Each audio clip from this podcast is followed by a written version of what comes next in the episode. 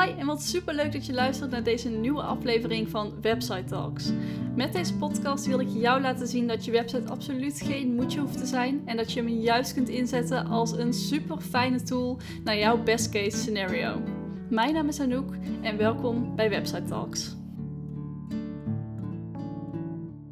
Hoi en welkom bij deze nieuwe aflevering van Website Talks. Super leuk dat je er weer bent. Vandaag gaan we het hebben over uh, een aantal tips hoe je zelf makkelijk je website kunt aanpassen zonder dat er iets fout gaat.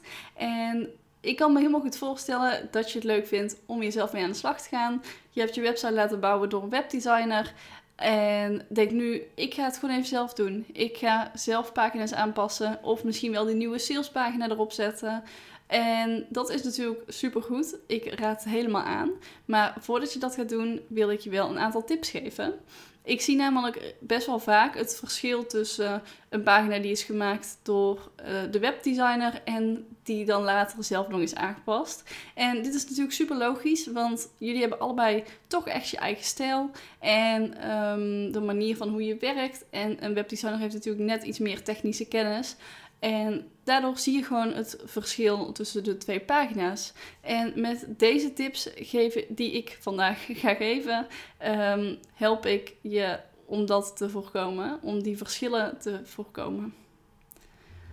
Mijn allereerste tip is om een backup te maken van je website voordat je gaat starten met het aanpassen hiervan. Dit is iets wat natuurlijk best wel een logische tip is, maar wat echt nog vaak wordt vergeten. En je maakt het jezelf zoveel makkelijker als je gewoon even die backup maakt. Want als er dan iets misgaat, heb je tenminste gewoon een, een mogelijkheid om terug te gaan naar hoe het eerst was. Dus vergeet niet om een backup te maken voordat je gaat starten. En als je dat hebt gedaan, dan heb ik nog een tip voor mensen die echt een nieuwe pagina gaan maken. Want dat is de tip. Denk eerst na voordat je gaat beginnen. Um, ik kan me heel goed voorstellen dat je denkt: ik ga gewoon wat knutselen en ik kijk wel waar ik uitkom. Maar ja, dat kun je natuurlijk doen. Dat is gewoon een, een, manier van werken. Maar op die manier gaat het je veel meer tijd kosten dan wanneer je van tevoren hebt nagedacht over wat je op die pagina wilt hebben. Kijk bijvoorbeeld naar andere pagina's van je eigen website en kijk naar welke blokken, dus welke, welke uh, styling je van die pagina's wilt overnemen en op deze pagina wilt gebruiken.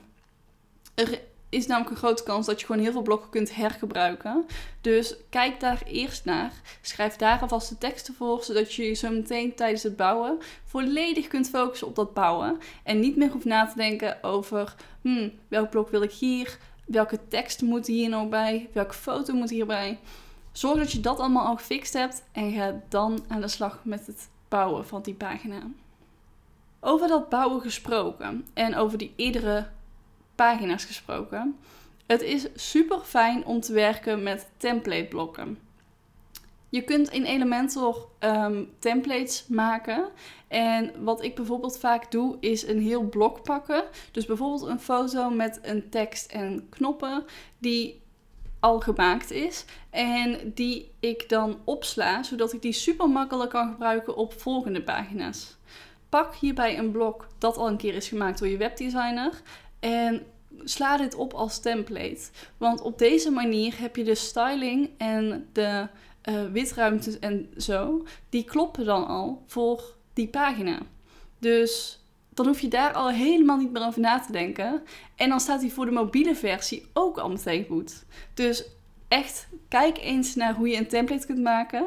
Ik zal in de blog die bij deze podcast hoort uitleggen hoe je een template maakt van een Elementor blok. En dan kun je dit direct toepassen. En dit gaat je zoveel tijd en moeite schelen. Dus ga dat zeker even doen.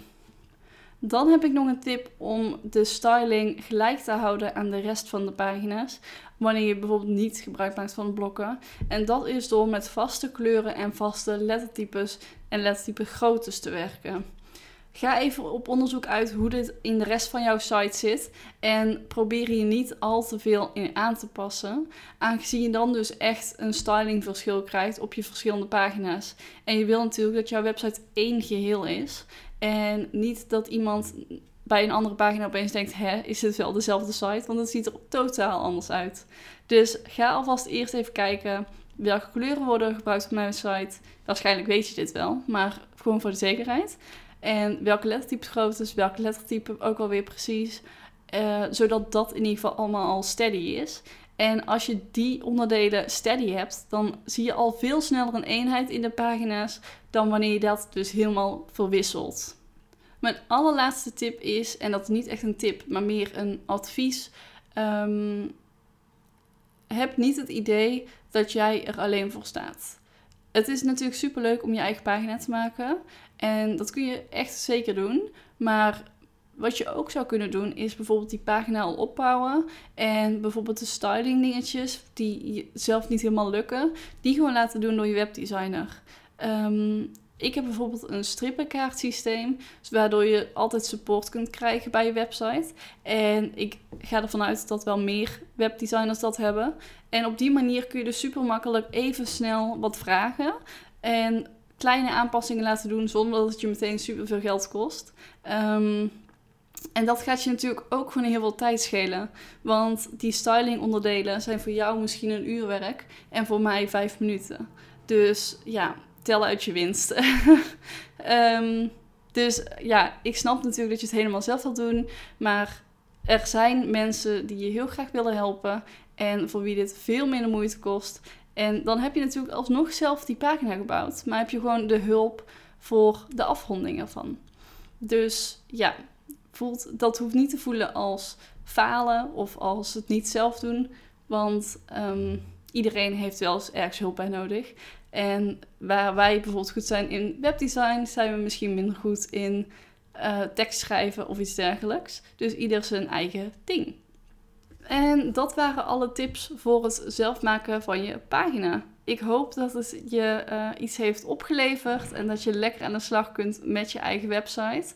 Laat het me zeker even weten via Instagram naar anouk.martens of stuur een mailtje naar info.anoukmartens.nl. En dan mag je natuurlijk ook altijd laten weten als je een ander onderwerp hebt voor de podcast. En ja, dan spreek ik je heel snel weer. Doei doei!